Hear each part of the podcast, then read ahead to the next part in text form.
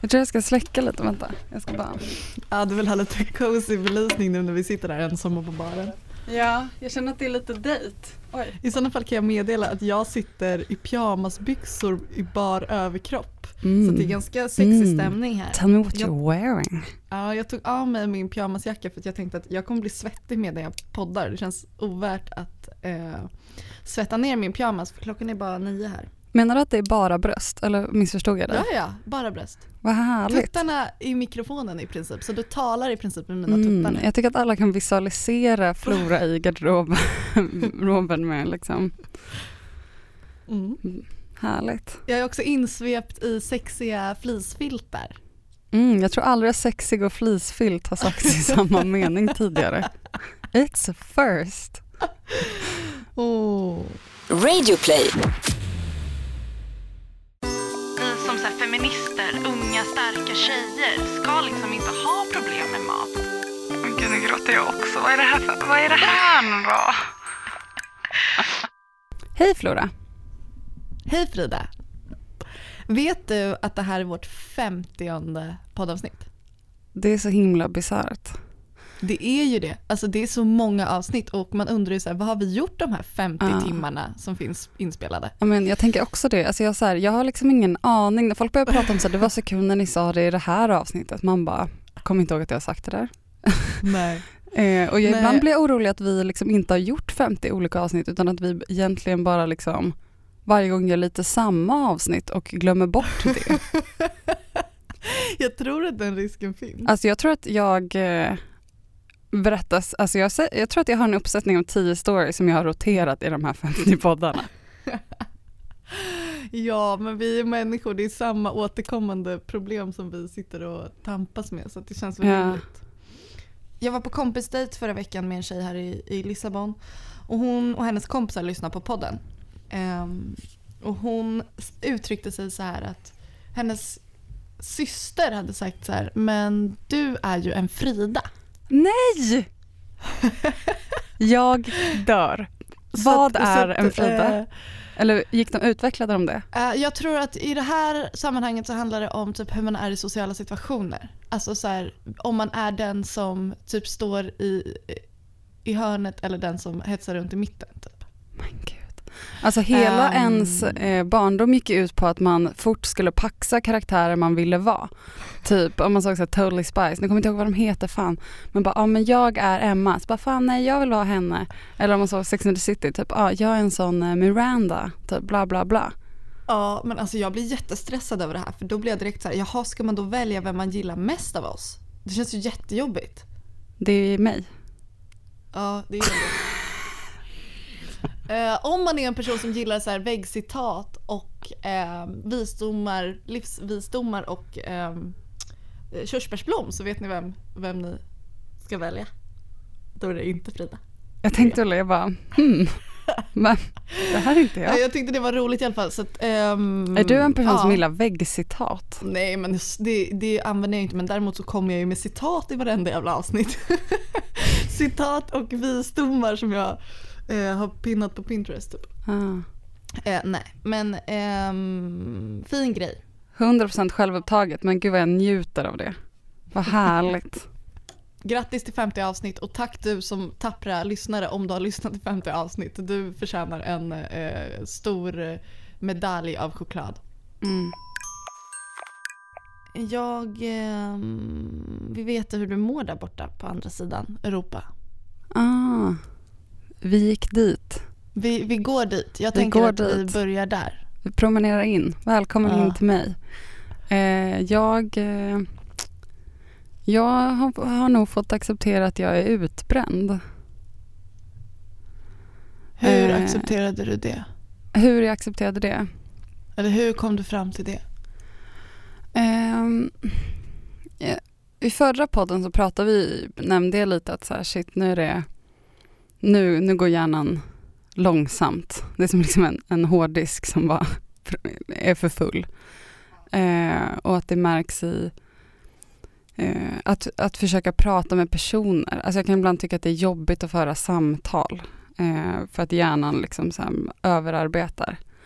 Eh, jag kan liksom inte, jag har svårt att eh, förstå tid eller klockan, jag har svårt att planera. Typ om jag ska laga mat nu så börjar jag liksom i fel steg. Mm. Alltså jag kan liksom börja så planera gardering, så här garneringen eller någonting innan jag ens har satt in potatisen i ugnen som ska vara inne typ en timme. Alltså Mm. jag kan liksom inte, ja, jag, jag funkar dåligt helt enkelt. Har det varit så här förut? Alltså inte på det här sättet. Ehm, in, inte att jag känt den här... Alltså jag har ju varit deprimerad och de bitarna som också kommer med när man eh, är utmattad. Eh, men jag har Mm. liksom inte haft de här riktiga där jag känner att så här... Gud nu, alltså det, det här obehaget av att det känns som att hjärnan liksom inte funkar ordentligt. Eh, och det har bara varit så himla mycket små grejer. Jag skulle exempelvis bjuda över en, en tjej som heter Sofia som jag jobbar med eh, på middag. Hon och hennes tjej skulle komma på middag och jag har velat det jättelänge. Eh, för jag tycker om dem så himla mycket och vi har inte haft en så här parmiddag. Eh, och då slutar det med att jag måste avboka det för jag sitter bara och gråter hela dagen över att de ska komma på middag för att det gör mig så stressad. Mm. Och det här är inte två personer jag vill träffa och komma på middag. Men liksom stressen över att, över att hantera det och kanske behöva städa någonting eller behöva preppa någonting eller vad ska vi prata om? Alltså, det blir bara blackout i huvudet. Mm. Liksom. Att även sådana saker som man ser fram emot och som ska bli kul blir liksom bara jobbiga. Ja, blir bara ett... eh, Ja, blir bara... Ja, kan inte säga om det med egna ord. Helt rätt. Nej men jag känner igen den grejen så mycket. Det, jag, eh, och jag, jag har alltid väldigt jobbigt att prata eh, när jag eh, mår dåligt. Eller jag är dålig på att ta upp det med, med, med personer, även personer som står nära som jag egentligen liksom litar på och, och, och har en nära relation med. Varför är det så? Jag vet inte riktigt vad det är men det är liksom, eh, det känns otryggt. Jag vill liksom deala med saker själv tills jag kommer fram till någonting och då kan jag berätta det att så här, nu har jag kommit fram till det här. Men när jag bara känner mig förvirrad och ledsen och, och jag vet inte. Men är du rädd för att liksom belasta dem eller är du rädd för att de ska komma med råd som du inte vill ha? Eller liksom... Men jag är rädd att folk, eller att nu kanske det gäller mycket så här, ja men närmsta kompis eller eh, min pojkvän eller så här, mamma eller så. Mm. Eller inte mamma, för mammor tycker om en oavsett hela tiden. Det är lite deras jobb. Ehm, men ändå, så även om man har en trygg relation så tror jag också att det ändå finns en rädsla hos mig att så, okay, men jag visar nu att jag är så här, ja, inom citationstecken svag. Eh, så kanske ehm, om personen kommer tycka att jag är jobbig eller liksom tråkig och så försöker jag bara hålla upp, bygga fasad om att Gud. det fun- alltså allt funkar. Och sen så när jag känner att så här, fan jag orkar inte hålla den här fasaden för den rämnar ibland. Man kanske börjar gråta eller man liksom inte... Ja, man håller, håller, håller, håller och så rämnar den ibland och då blir det liksom för mycket och då, och då skäms jag över att jag liksom inte kan hålla ihop det som den här med middagen, att jag bara börjar gråta över det och så känner man att folk tycker att man är knäpp typ. Ja, alltså, och inte nog, om, inte nog med att du går runt och är orolig över andra saker så är du också orolig över att folk ska komma på att du är orolig över saker. Alltså det låter så himla...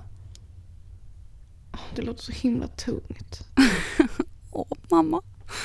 Ja, Eh, jag blir så himla rö- eller liksom ledsen. ja. Mm, så berätta, vad hände sen då efter, den, efter det att du satt där och grät? Eh, ja men då avbokade vi bara det och det var egentligen hände inte mer då. Det här var några veckor sedan. Men då var Mm. det så här.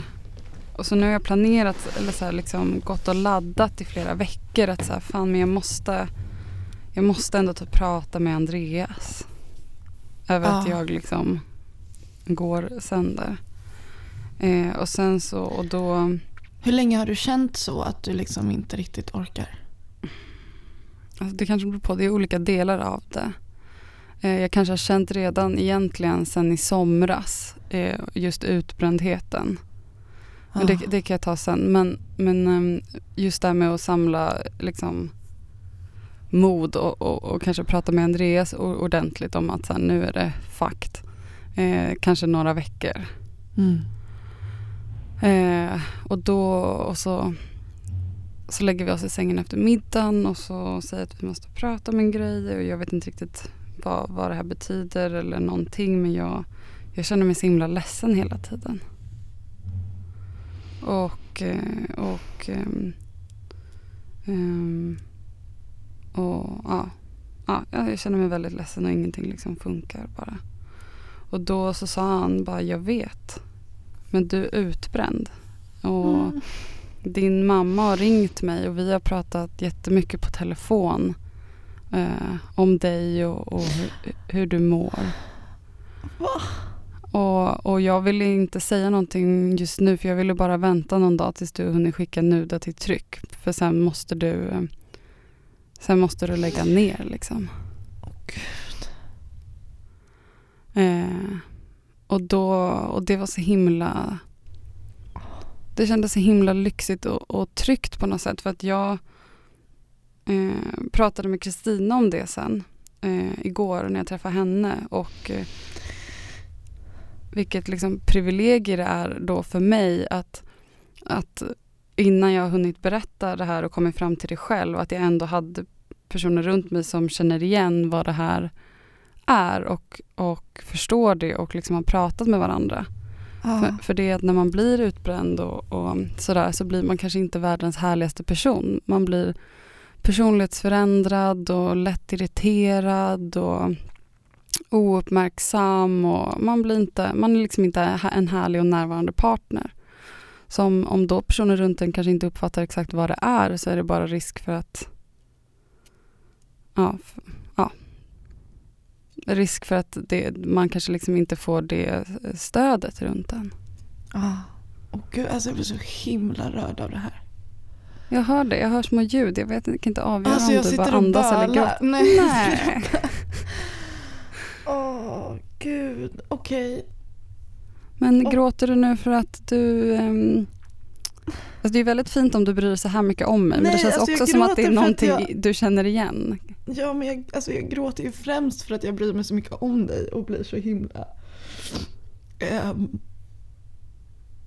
rörd över att de här personerna finns i din närhet och fångar upp dig. Och att du, men jag blir också jätte tagen av den grejen att du känner att du inte ehm, kan ehm, vå- eller att du vågar säga till folk när det skaver liksom.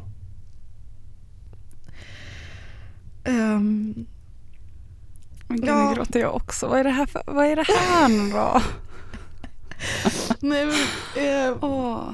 Det finns någonting så himla sorgligt i hur många människor det är som går och är rädda för att bli påkomna. Eh, och ehm, jag kan känna igen det själv att man går och liksom trycker undan och vill hålla skenet uppe. Men att det är ju liksom bara att skjuta upp problemet egentligen. Och för det, då kommer människor i ens närhet bara inte fatta istället och bli så här, vad fan är det som händer? Än om man skulle våga säga så här, du det här är, nu är det så här liksom. Um, och jag är bara så himla när du, när du skrev till mig det här smset inför den här podden och du sa så här, du det här kommer, jag vill prata om, om att jag är utbränd. Så ehm, blev jag så otroligt eh, tagen för att jag har ju märkt av det i dig också. Att du har liksom kört på så jävla hårt. Eh, och det är svårt när man jobbar med någonting som är så roligt också. Eh, eller som liksom utåt sett verkar så roligt också. Ehm, så det är svårt att veta när man ska så här. Och vi som träffas en gång i veckan, då är det svårt för mig att se om det liksom är för mycket eller vad du gör, hur du mår i din vardag. Mm. Ehm, men eh, ja. Jo, för Jag det blir- finns också en mått... Eh, alltså för det kan också hos mig finnas eh, ett mått av skam i, i att bli... I att liksom få leva ett, eh, ett så himla härligt liv på ett sätt. Att jag får liksom göra så mycket roliga grejer och så att träffa så mycket spännande personer. Och, och att det är då kanske en skam för att jag blir liksom utbränd. Eller det, alltså, jag vet att det inte är det, men, men att det känns som ett sånt um, en sån lyxsjukdom på något sätt. Eller så här, ja du har haft för roligt för länge. Eller Förstår du vad jag Mm. menar? Ja, att jag kan känna ja. skam för typ så här, shit vad så här, vissa människor går igenom och så här, jobbar så himla hårt och, och liksom för att hålla ihop det och liksom sin ekonomi och som är med om tragedier och liksom sjukdomsfall och, och så känner jag så här, fan det är ändå inte, jag, eller jag har haft ett väldigt tufft år på vissa sätt men i relation till annars så har jag haft det glassigt liksom. Och då kan jag känna skam för att så här, vadå kan inte, klara, inte- med de här förutsättningarna kan inte jag klara av att ens hålla ihop det då? Eller så här, Mm, jag förstår verkligen den känslan. det känns Jag himla, jag känner mig så också. äcklad nästan. Ja, ja, som att man så här borde, man borde må så jävla bra och bara njuta av sin, sin privilegierade tillvaro. Men när man inte kan det så blir det också så svårt för man vet inte riktigt vem man ska vända sig till för att man är så rädd för att folk ska himla med ögonen och bara ha du mår dåligt typ. Och också så här när man hade man, hade, om du hade jobbat på ett företag där du hade haft så här tid, nu, nu har ju du liksom din eh, agentur, din fotoagentur, Mm. men du är inte där på jobbet, eller du är inte på kontoret liksom. Nej. Ehm, så att om man hade haft så, en, eh, kollegor som man träffar varje dag och som så här, går hem efter jobbet och har sitt, sitt liv vid sidan om jobbet. Då hade man ju också kunnat ha någon som, som är så här, men du, du kanske ska gå hem nu, du har jobbat jättehårt idag. Mm. Eller så här, det, det, det skulle kunna finnas andra som så plockar upp en när, när de märker att man jobbar på för mycket. Men när man är sin egen chef, när man bestämmer sina arbetsuppgifter själv. Då är det också så jävla jävla lätt att man inte stannar upp. Mm. Att man bara kör på. Och det är ju det som är så jävla läskigt. Ja, det är också det i strukturen. Eller både jag och, och Andreas är ju frilans liksom. Vi jobbar ju... Alltså, vi båda jobbade ju varje dag.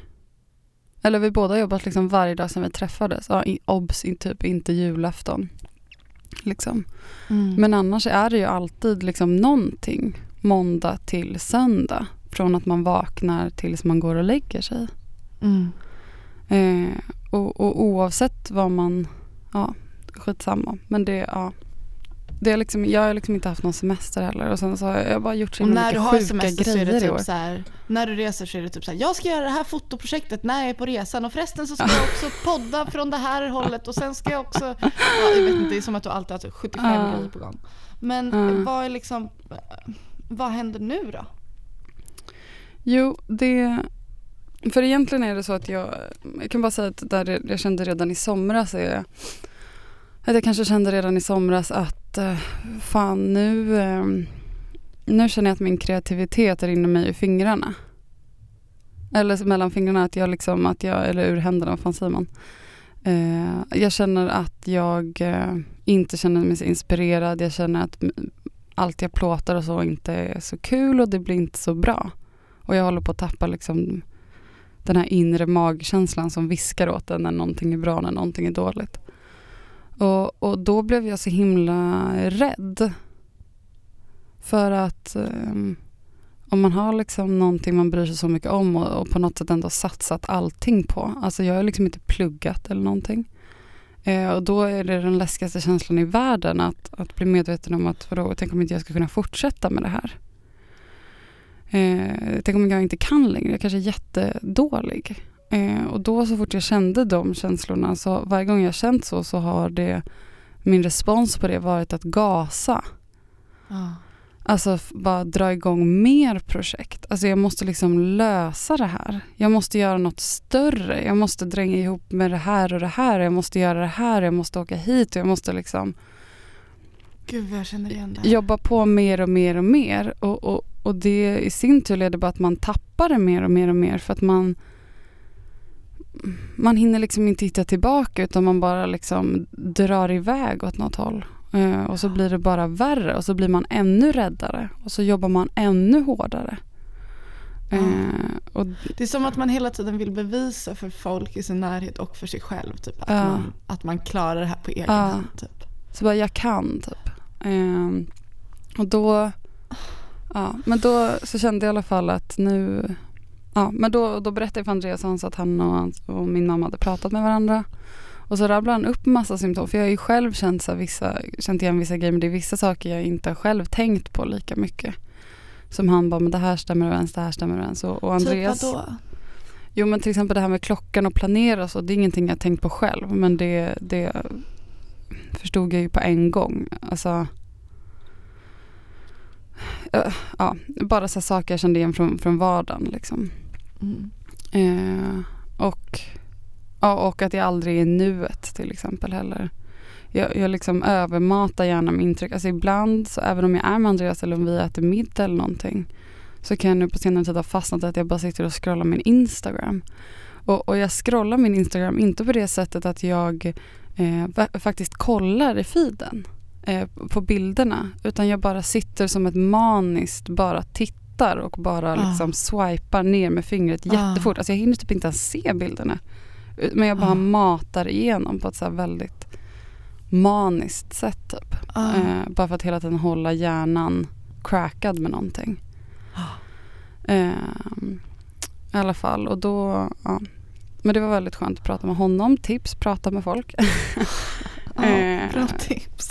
För, ja, Mm. eh, I alla fall. Och då, så att sen när jag vaknade morgonen efter så, så mejlade jag till Acne.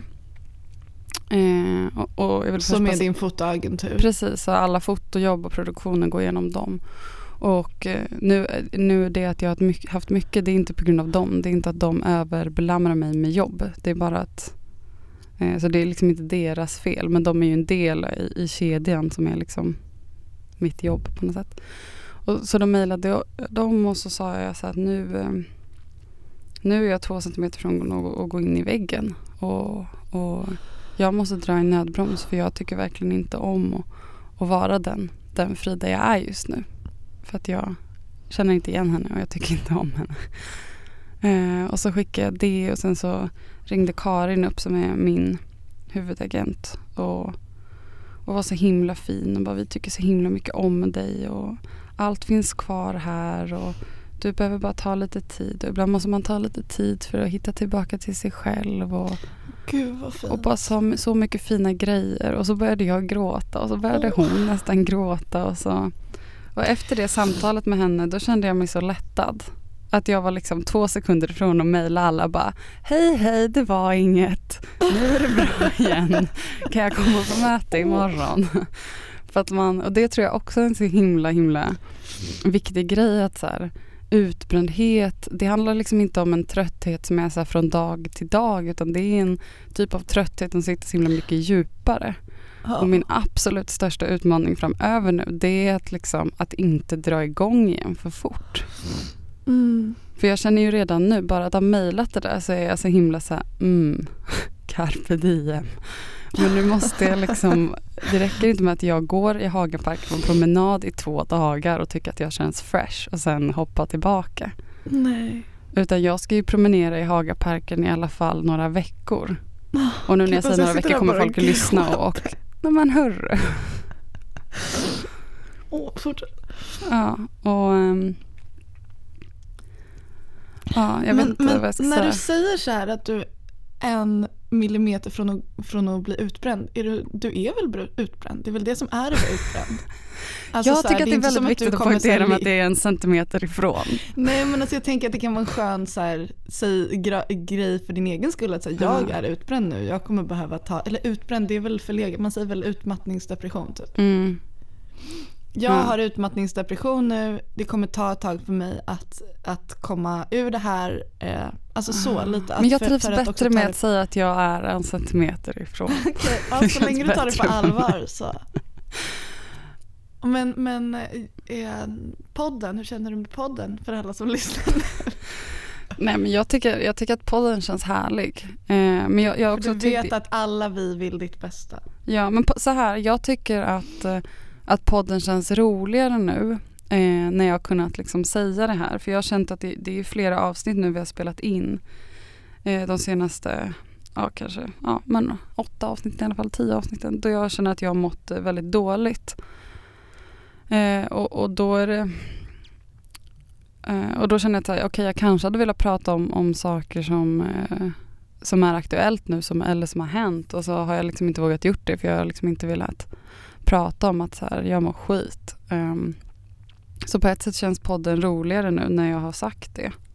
Mm. Eh, för då känns det som att jag inte... Men jag känner att jag kan släppa fasaden lite i podden. Det är så himla bra. jag blir också så himla ledsen när jag tänker på att så här, du är 23 år. Och så här, att det är fan helt sjukt att vi lever i ett samhälle där folk går in i väggen när de är 23 år gamla. Mm. Och att vi så här, åh, det är så jävla sjukt. Att vi tror att vi ska spinna igång med allting för att vi inte är bra annars. Och att det är snabba kickar men som bara, jag vet mm. inte. Ja, puttar den närmare kanten typ. Jag skrev eh, eh, jag skrev ju på bloggen ganska snabbt också. Jag tycker att det är skönt för att skriva på bloggen också ett sätt för att många av mina kompisar får veta info. Det är som en anslagstavla.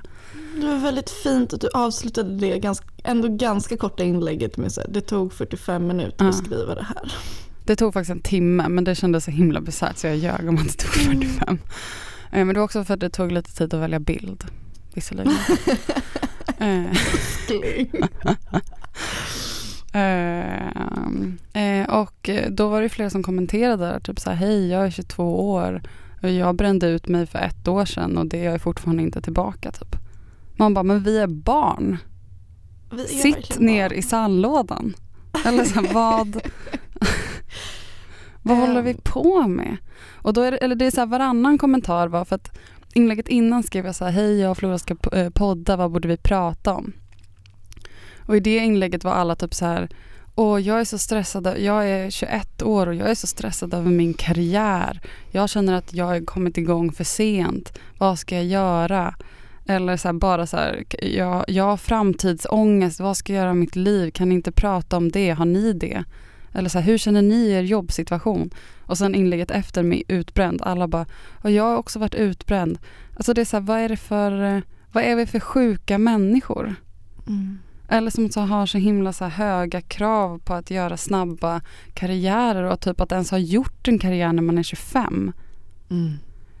Jag vet inte om det är ett misslyckande egentligen att ha, ha en karriär när man är 25. Det kanske borde betraktas som ett totalt misslyckande. Folk kanske borde vara manjana fram till typ 30. Folk borde verkligen vara manjana fram till 30. Herregud. Tidigast liksom sluta då. Ja, eh, alltså men och också ja. fan, och man själv är så jävla skyldig till det här. Gud ja. Du och, jag, jag är ju inte liksom egentligen eh, de som ska snacka men nu uppenbarligen så finns beviset på att det inte är så jävla grönt på andra sidan. Nej. Andreas sa det också, han bara det är så himla, för jag tänkte verkligen så när vi träffades och jag har varit så himla inspirerad av dig Frida, att du har gjort så tusen grejer och alltid dragit igång massa projekt åt höger och vänster och du har liksom gjort alla de här grejerna, att du har så podden och att du har en professionell fotokarriär och att du släpper alla de här tidningarna och liksom bla bla bla. Och jag har alltid tänkt, fan vad sjukt, det är så himla få personer, det är ju inga personer som gör så här mycket grejer typ. Och bara nej, för att det inte går. Mm. Eller det kanske går mm. om man är typ så här, heter Beyoncé om man har liksom ett produktionsteam av 100 pers. Ja, jag tror att Beyoncé är ganska utbränd också. Jo, visserligen. Men man, om man har liksom ett så här, men vi är ju bara två tjejer som sitter hemma vid skrivbordet och ändå tror att man ska säga. Jag vill också säga att jag var ändå i full gång att uh, hålla på att utveckla en sajt jag vill bygga. What the fuck? Ja, Alltså jag har också varit så jävla nära den där gränsen. Det är också därför jag sitter här och bölar tror jag. För att jag, blir, alltså så här, jag själv när vi pratar om det här, alltså jag har andningen upp i halsen. Mm. Uh, för att jag blir så sjukt, uh, främst för att jag såklart blir så jävla rörd över den här insikten som du har fått och så här, det är läskigt när någon kommer och säger så här, nu är det så här, jag är deprimerad eller jag har, det här har hänt. För att det är skitjobbigt att höra när ens kompis eller familjemedlem eller vem det nu är säger det. Eh, för att man blir så här, oj, är det så? Men att nästa steg är att man blir um, um, slappnar av i så här, okej okay, men nu har den här personen förstått det här och nu kommer det kunna bli bättre. Liksom. Mm. Men jag har ju också varit i perioder där jag har så här, ja, inte, alltså var, nästan varit apatisk liksom och helt avskärmad och eh, mitt ex var så här, det, jag får inte kontakt med dig, var är du någonstans? Liksom. Mm. Eh, speciellt så här, i perioden när jag skulle redigera mitt bokmanus till Stanna. Eh, och hade också precis kommit hem från min långa vistelse i USA och skulle så här, mm, liksom dra igång alla mina relationer igen efter det lilla uppehållet som det ändå blir när man är borta. Mm. Och samtidigt redigera min bokmanus och driva bloggen och podden och allt vad det är. Mm. Um, och det var ju då jag började gå hos en psykolog liksom, och det var ju då jag också lärde mig att mm, liksom skala ner. Men det är också, jag läste någonting som så här, Underbar Klara som också är bloggare och så entreprenör. Gud, alltså att gå in på Underbara Klaras blogg, det är lite som att ta en skogspromenad eller att träffa en psykolog. Alltså när jag känner mig stressad, då lyssnar jag antingen på Värvet-intervjun med Ernst Kirchsteiger, tips. Eller så lyssnar jag på, eller går jag in på Underbara Klaras blogg. Ja. Alltså hon är ju, eller hon, jag såg bara någon rubrik som var typ så här. Jag har alltid förespråkat downscaling, ändå gick jag in i väggen. Mm. Och att jag tänker att så här, ehm, det är så mycket som vi som ska här, vara förebilder på något sätt eller så här, vilja föregå med gott exempel på ett eller annat sätt. Att man så här, förespråkar vissa saker så himla mycket men det är så himla svårt att leta, leva efter de grejerna. Ja, man är en sån jävla lögn. Man är en sån jävla lögn för man vill så jävla gärna vara bra och liksom vara schysst och fin och liksom så. Mm. Jag tänker på jag tror att det är jättevanligt att de personerna som går in i väggen är också personer som sitter där och så ger råd till andra. Typ. Mm. Men det är så himla svårt att själv följa den, det rådet. Och jag tänker på en sak som du och jag har pratat om utanför podden. ehm, och som vi kan fördjupa oss i ett annat avsnitt. Men också med olika typer av ångest. Och en annan så skamlig ångestkänsla är ju kring mat och så här, kroppsångest. Mm. För att vi som förebilder eller vi som så feminister, unga starka tjejer ska liksom inte ha problem med mat för att Mm. det är skamligt. Mm. Och då blir det också svårt att prata om det. För det är inte nog med att man har kanske ångest över att man eh, har ätit någonting som man inte bo, inom citationstecken Mm. borde ha ätit. Så man också ångest över att man är en dålig förebild för att man har den ångesten. Och det är Mm. exakt samma grej med den här typen av utmattningsdepression. Att så här, inte nog med att man har ångest för att man har tagit ur sig själv så har man också ångest över att man har ångest. För att man är ju en så privilegierad person Mm. och man har ju så fina människor i sin närhet. Ehm, och som du då säger, att du har ångest över, liksom, du tycker att det var jobbigt att prata med dina närmsta personer om det här för att du var så rädd att de skulle lämna dig då. Och det är liksom så här dubbel bestraffning. Det är så jävla Mm. sorgligt. Så därför är jag så himla, jag måste verkligen säga det, jag är så jävla stolt över dig att du så här, ehm, ja, men, har tagit tag i det här. För jag tänker att det här, att, att, att erkänna för sig själv och för sin närhet att man har jobbat för mycket eller tagit ut sig själv för mycket. Det är ju lite som att eh, erkänna ett missbruk. Ja, okej. Alltså det är lite som att så här, hörni, Ja. bara så ni vet så dricker jag för mycket. Eh, så jag säger det till er nu så att jag inte ska kunna fortsätta göra det. Ja. Jo men det var ju också en anledning att det kändes jobbigt att berätta för då är så här, fan då kanske folk kommer ha synpunkter på om man jobbar liksom. Mm. Ja men det är, ju alltså, det är ju ett typ av missbruk. Jag vet. Mm. Eh, men eh, förutom att du nu ska gå i Hagaparken mer än två dagar, har, är det någon annan, så här, har du tänkt någonting mer på typ så här, vad som, har du, har, du, har du fått diagnosen utmattningsdepression? Nej det har jag inte. Alltså det enda om, om den, som den skulle vara intressant för en det är ju om man ska försöka få ut eh, någon typ av sjuk, sjukpenning. Ja. Eh, men jag tror, alltså jag tjänar så, alltså min lön jag tar ut är så himla låg så jag, jag tror att den sjukpenningen kommer vara, jag tror att det handlar om väldigt lite pengar. Mm. Och dessutom så handlar det om, okej då ska jag boka tid på en vårdcentral, träffa en läkare, förklara allt det här för den personen. Förhoppningsvis få att den kanske skriver en remiss till en annan person som ska sätta den här diagnosen och sen ska man höra av sig till Försäkringskassan och skicka in blanketter. Fast Alltså- an, å andra sidan får du ju hjälp som är specifik, alltså du får ju samtalskontakter och så specifikt Ja. för det här tillståndet. Jo, jag vet. Men, men det, det, har jag, det håller jag på att få, få till, en, en samtalskontakt. Ah, Men, eh, men just det här med den här Försäkringskassan. Och det måste jag också bara säga att så här, eh, nu känns det här okej för mig för att jag eh, också har sparat väldigt mycket pengar. De, eller väldigt mycket pengar, jag, jag, så mycket är det inte. Men jag, jag har sparat pengar de senaste månaderna för jag också har jobbat så mycket så jag har inte tid att göra av med några pengar. Eh, och, så att då känns det, nu känns det okej. Jag vet att jag, så här, men jag kan låta bli att jobba på ett litet tag. Men om man skulle vara i den här alltså en utbränd situation och samtidigt ha en stark ekonomisk stress. Mm. Alltså det är ju sinnessjukt. Ja, herregud. Det är verkligen eh, sinnessjukt. Eh, Och så, så då på det så ska man jiddra med Försäkringskassan när Ja, man är som svagast. Och så sitta med blanketter och stå i Ja, köer och nej. så telefonköer. Fy fan alltså, jag kan inte fatta. Ja. Vi har ju varit inne på det här förut på olika sätt att, det, att man måste vara frisk för att orka vara sjuk. Liksom. Mm. Och det här är ju verkligen ett, ett sånt exempel. Ja, det är verkligen Ah. sinnessjukt. Men i alla fall, jag, jag eh, bokade en, en läkartid eh, i måndags. Och, men det var egentligen innan jag kanske kom fram till att jag var utbränd. Var mer typ så här, jag är deprimerad. Vilket jag också är. Men, men jag kanske inte liksom helt klaffat ihop alla bitar varför. Det var bara att jag mår dåligt på olika sätt men jag liksom inte lyckades lägga ett overall pussel om hur allt det här hänger ihop. Mm.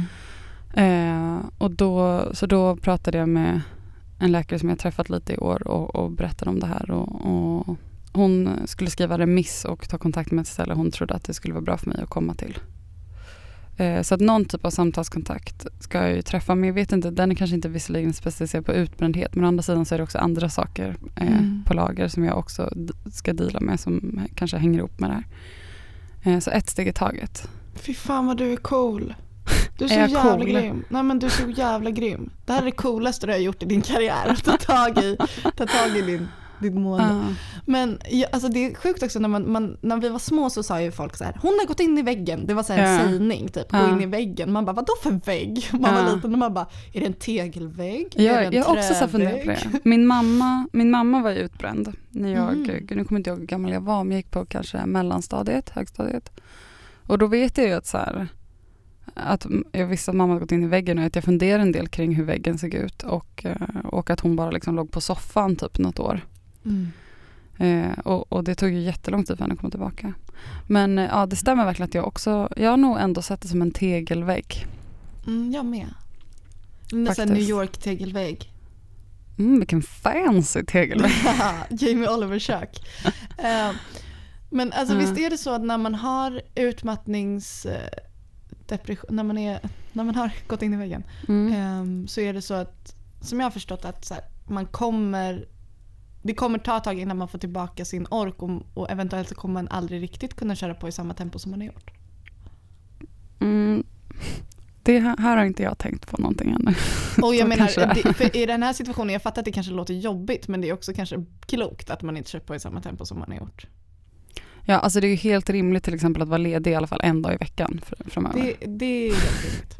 Så att det finns ju verkligen nivåer som jag kan ta till som fortfarande är väldigt rimliga.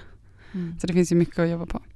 Men ehm, Vi kan följa upp det här lite senare och Ja. se vad som, vad som sker men det är, ja, får jag bara, har du, har du ätit antidepp någonting? Eller någon typ av, nej det har jag inte. nej.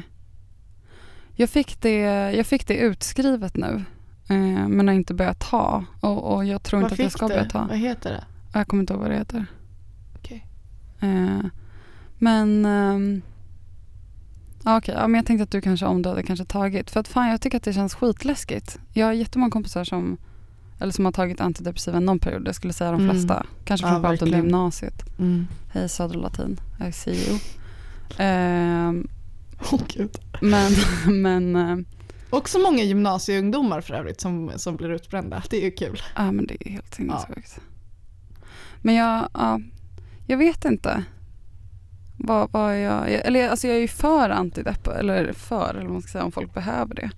Men, men jag känner också att så här, och det kanske är bra, men jag tänker också att det, jag vet inte, jag, jag, jag tänker att jag kommer behöva liksom deala med psykisk ohälsa på olika sätt för resten av mitt liv. Troligtvis eftersom första gången jag hade kontakt med psykiatrin var typ i liksom mellanstadiet och att jag har psykisk ohälsa i, i, i släkten och så vidare. Och då känns det väldigt jobbigt att börja med antidepp redan när man är 23. Alltså det är så här, kommer man... Det, alltså, så kan du inte tänka heller. Alltså, jo, men det känns konstigt att man ska... Jo, jag vet. så behöver du antidepp. Jo, jag vet. Då kan du inte tänka så här, men då kanske det är bättre att jag väntar tio år när jag är lite Nej, äldre. men jag kanske tänker så här, jag kan väl inte äta antidepp hela livet. Jag kanske Nej, måste då hitta andra det tekniker kanske man gör bara. i perioder. Alltså många gånger så äter man ju det under en period under, under sin depression och sen Mm. så trappar man ner. Eh, och jag är inte rätt person att prata om antidepp, eller jag vill inte så här, ta ställning för att jag inte haft det själv men jag har haft väldigt många i min närhet som har haft det och har det och sådär. Och jag tänker att så här, rent fysiskt i kroppen så kan man sakna vissa ämnen som antidepp kan liksom Mm. hjälpa en med. Och då kan man liksom, alltså jag vet så många i min närhet som bara så här, antidepp räddade mig. Alltså jag känner mig som en ny människa. Sen är det så många också som säger fan jag känner mig avtrubbad av det här. Mm. Så jag vill inte så ta ställning men jag tänker att jag tycker verkligen att du ska så prata med dina läkare och prata, bo, prata med fo- folk som eh, liksom rekommenderar och folk som säger men vi testar det här först och sen ser. Liksom. Mm. Jag tycker Men att jag det, fattar att det känns läskigt. Ja, det är skitsvårt. Men för att jag tänker att så här, risken heller om man inte, om man har liksom låga serotoниnnivåer och man tänker att man inte ska ta antidepp. Det är ju jättelätt att man istället, som jag också tror är jättevanligt bland unga, att man börjar självmedicinera med olika saker istället. Mm. Och det är ju också farligt för då är det i alla fall ingen som kan sitta och, och kontrollera hur mycket alkohol eller cigaretter eller liksom sex någon ägnar sig åt. Alltså antidepp är ändå mer under kontrollerade former. Viola Bergström på Patriksson. Mm. Du vet vem det är? Ja, hon är PR-konsult. Jättegullig. Hon bjuder alltid på kava. Så nice. Eh, Viola och Fanny har startat en podd som heter Add to Bag. Fanny Ekstrand har för övrigt en så jävla fin Instagram och modeblogg. Alltså hennes klädstil är typ Ja, men Violas också. Ja, Alltså henne- Viola, ja, det var, är- Viola var babyg. Sen drog hon till Costa Rica och chillade i typ så tre månader. Och nu är hennes Instagram-game strong as fuck. Ja, båda de två har helt sjukt fin klädstil. Alltså man blir verkligen så här. Ah, det är så roligt, det är så lekfullt, och snyggt och kul och så här. Mm. Jag vill tipsa om deras podd, Add to Bag. Och där pratar de om, alltså ge modetips på ett härligt sätt. Inte så här, hm, har du en päronrumpa ska du ha de här jeansen. Och färgens, eh, vårens färg är gul. Eh, utan mer eh, så här budgettips och vad, ja, här, mer ett härlig podd om mode. Den vill jag Ja. rekommendera. Ja. Inte bara så här, hm, vilken Chanel-väska väljer man till den här lilla svarta? Utan liksom en mer, eh, en, en roligare. Jag har inte lyssnat än så att jag är, jag är eager. De bara släppt två avsnitt. Mm. Okej, Ehm. men eh, Frida, ja. om jag var hos dig nu så skulle jag krama dig fastän du inte riktigt tycker om kramar. Jag skulle bara krama dig så himla himla länge. Ehm, Åh. Ja. Vad fint det var att prata. Alltså jag är så himla tagen av det här och bara så himla, alltså jag känner mig som en stolt mamma. Alltså, alltså så här, verkligen. Jag förstår inte varför Ah. alla, jag hade inte räknat med den här reaktionen. Folk verkar bli så stolta. Eh, jag förstår inte vad det Ja, man tror att folk ska stå där och bara, bah du misslyckats men alla blir Ja så här, exakt, alla bara wow. det här är så fint och man bara but why though? Mm, Ja, men eh, fortsätt vara gärna stolta, det är härligt. ja. Eh, glöm inte hashtag florafrida och, Och prenumerera. Ja, alltså vi kan väl också säga så här att det är säkert många av er som lyssnar som har gått igenom liknande grejer. Skicka gärna något ljudklipp till oss ehm, och berätta hur det har varit. Mm. Eller om ni har några tips eller tankar eller frågor, lyssnarfrågor så kan man Mm. mejla Mm. vistromflora.gmail.com eller frida.fridavega.se. Mm. Gör det. Gör det. Ta hand om er. Puss Gå inte in i väggen om, om ni är liksom unga. Sitt ner i Nej, sandlådan. s- Ja precis, ha krockkuddar och hjälm och, och knäskydd. Ja. Okej, nu måste jag springa. Ja, jag måste kissa, jag har varit kissnödig i en och en halv timme. Eh, puss Frida, ta hand om dig också. Ja, ta hand om dig också. Puss, hej då. Puss. Ett poddtips från Podplay. I fallen jag aldrig glömmer djupdyker Hasse Aro i arbetet bakom några av Sveriges mest uppseendeväckande brottsutredningar. Går vi in med hemlig telefonavlyssning och, och då upplever vi att vi får en total förändring av hans beteende. Vad är det som händer nu? Vem är det som läcker? Och så säger han att jag är kriminell, jag har varit kriminell i hela mitt liv men att mörda ett barn, där går min gräns. Nya säsongen av Fallen jag aldrig glömmer på Podplay.